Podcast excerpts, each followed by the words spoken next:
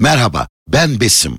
%30 devlet katkısı ve yatırım komitesinin fon danışmanlığıyla birikimlerinize değer katan Alyans Besim. Bes bes bes alyanstır bes bes bes alyans. Siz de bireysel emeklilik sistemine Alyans Yaşam ve Emeklilikle katılın. Besiniz Alyans, kafanız rahat olsun. Detaylı bilgi alyans.com.tr, acentelerimiz ve anlaşmalı banka şubelerimizde. Bes bes bes alyanstır bes bes bes alyans. Kısa Dalga'dan herkese merhaba. Bugün 18 Kasım Cumartesi. Ben Demet Bilge Erkasap. Gündemin öne çıkan gelişmelerinden derleyerek hazırladığımız Kısa Dalga bültene başlıyoruz. Agos gazetesi genel yayın yönetmeni Hrant Dink'in katili o gün Samast'ın tahliyesinin yankıları sürüyor. Hrant Dink'in eşi Raquel Dink şunları söyledi.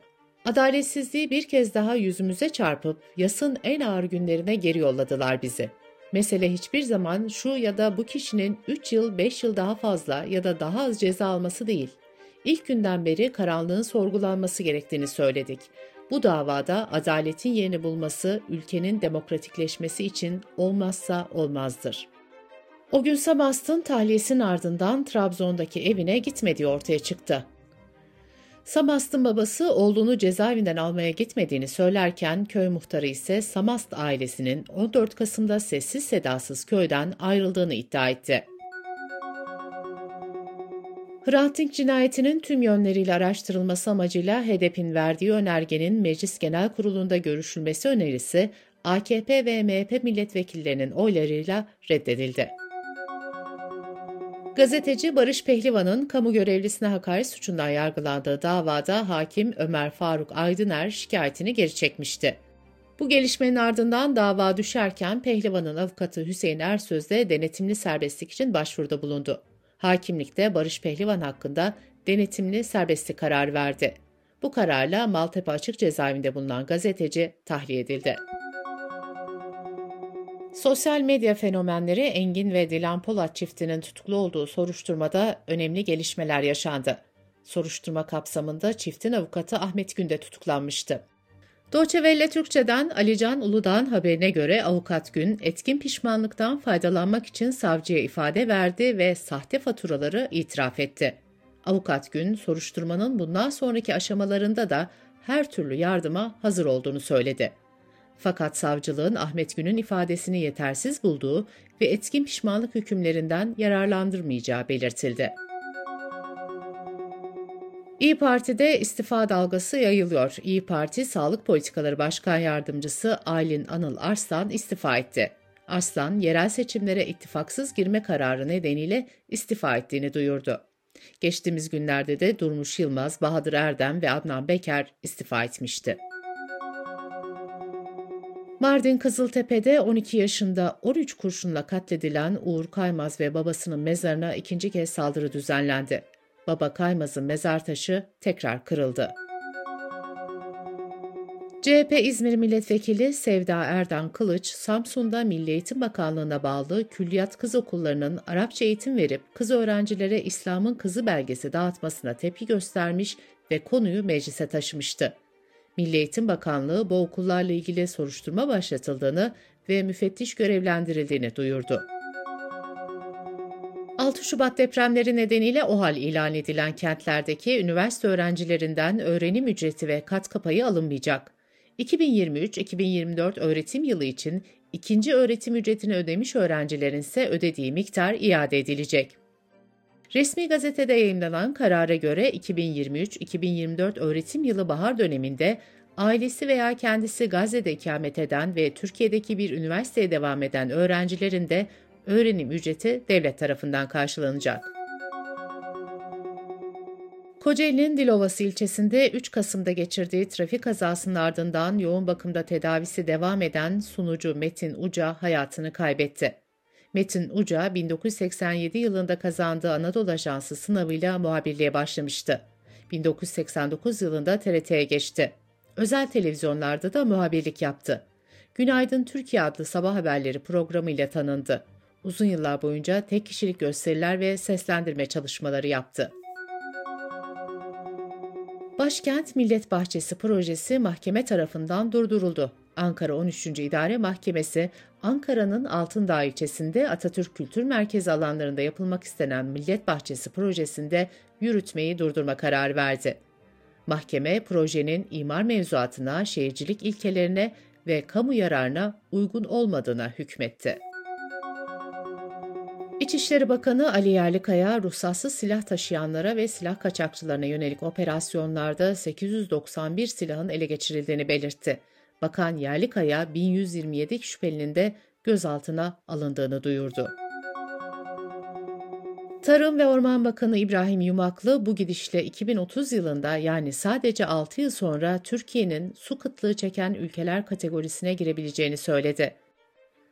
Bakan Yumaklı nüfusun yarısının ve tarım alanlarının da yaklaşık %80'inin su yetersizliğiyle karşı karşıya kalacağını vurguladı.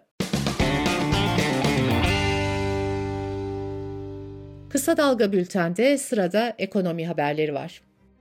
Diskin gelirde, vergide, ülkede adalet talebiyle başlattığı yürüyüş Ankara'ya ulaştı. CHP Genel Başkanı Özgür Özel ve CHP milletvekilleri de yürüyüşe katıldı. Özgür Özel, Disk Başkanı Arzu Çerkezoğlu'yla kol kola yürüdü. Sermayeden alınan verginin 10 katının yoksullardan ve emekçilerden alındığını belirten Özgür Özel, bu adaletsiz vergi düzenine itiraz ediyoruz dedi. Merkez Bankası'nın anketinde yıl sonu enflasyon beklentisi %68.1'den %67.23'e geriledi.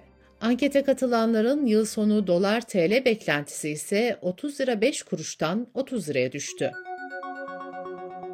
Uluslararası Finans Enstitüsü küresel borç monitörü raporunu yayımladı.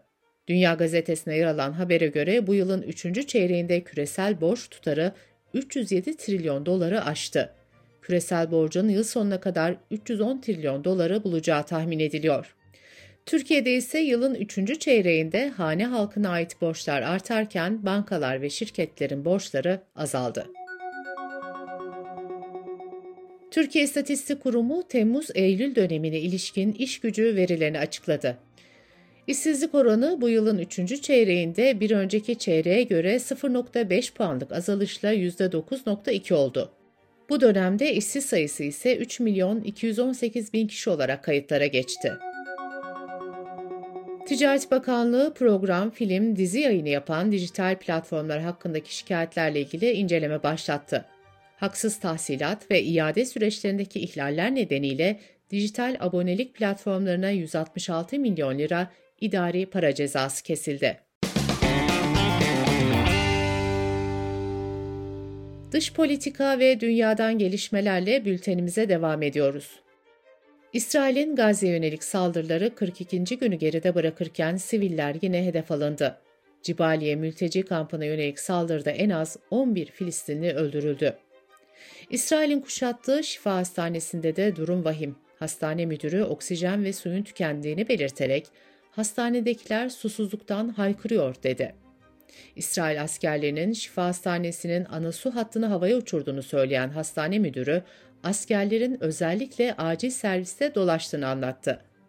Hastanede 650'den fazla hasta, 500 sağlık personeli ve 5000'den fazla da buraya sığınmış sivil bulunuyor. Birleşmiş Milletler Dünya Gıda Programı Gazze'de nüfusun neredeyse tamamının gıda yardımına ihtiyacı olduğunu duyurdu halkın yaygın bir açlıkla karşı karşıya olduğu uyarısı yapıldı. İsrail Başbakanı Netanyahu'dan sivil kayıplarla ilgili itiraf geldi. Netanyahu, operasyonlarda sivil kayıpları asgari seviyede tutmaya çalıştıklarını ancak başarılı olamadıklarını söyledi. Gazze'deki Sağlık Bakanlığı verilerine göre İsrail'in 7 Ekim'den bu yana sürdürdüğü saldırılarda 4707'si çocuk, 3155'i kadın olmak üzere 11 binden fazla Filistinli öldürüldü. Yunanistan polisi dur ihtarına uymadığını iddia ettiği bir arabada bulunan 17 yaşındaki Roman çocuğu vurarak öldürdü. Polis şiddetine tepki gösterenler sokağa çıktı. Atina ve Selanik başta olmak üzere birçok kentte eylemciler polisle karşı karşıya geldi. Yunanistan'da 3 yıl içinde 3 Roman genç polis tarafından vurularak öldürüldü. İtalya Katolik Kilisesi'nin son raporuna göre 2022 yılında 54 istismar vakası tespit edildi. Independent Türkçe'nin haberine göre mağdurlar arasında 4 yaşın altında 2 de bebek bulunuyor. 54 mağdurdan 35'i istismara uğradığı dönemde 15 ila 18 yaşlarındaydı. Raporda mağdurların 44'ünün kadın olduğu belirtildi. Avrupa Birliği sağlığa ve çevreye zararlı etkileri olan yabani ot öldürücü glifosat maddesinin kullanımına 10 yıl daha izin verdi. Komisyon kullanımla ilgili yeni koşul ve kısıtlamalar olacağını belirtti. Uluslararası Kanser Araştırma Ajansı 2015 yılında glifosatı olası bir kanserojen olarak sınıflandırmıştı. Deutsche Welle Türkçe'ye konuşan gıda mühendisi akademisyen Bülent Şık, glifosatın Türkiye genelinde kullanıldığını söyledi. Avrupa Birliği'nin kararının yanlış olduğunu vurgulayan Şık, tarım zehirlerinin insan sağlığına zararlı olduğunun da altını çizdi. Bültenimizi kısa dalgadan bir öneriyle bitiriyoruz. Gıda Mühendisi Akademisyen Bülent Şık'ın Bizi Yeryüzüne Bağlayan Hikayeler kitabını ve zehirli tarım ilaçlarını Serkan Oca anlattığı podcastini kısa dalga.net adresimizden ve podcast platformlarından dinleyebilirsiniz.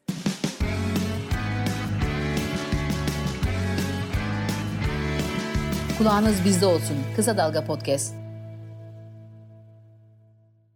Merhaba, ben Besim. %30 devlet katkısı ve yatırım komitesinin fon danışmanlığıyla birikimlerinize değer katan Alyans Besim. Bes bes bes alyanstır bes bes bes alyans.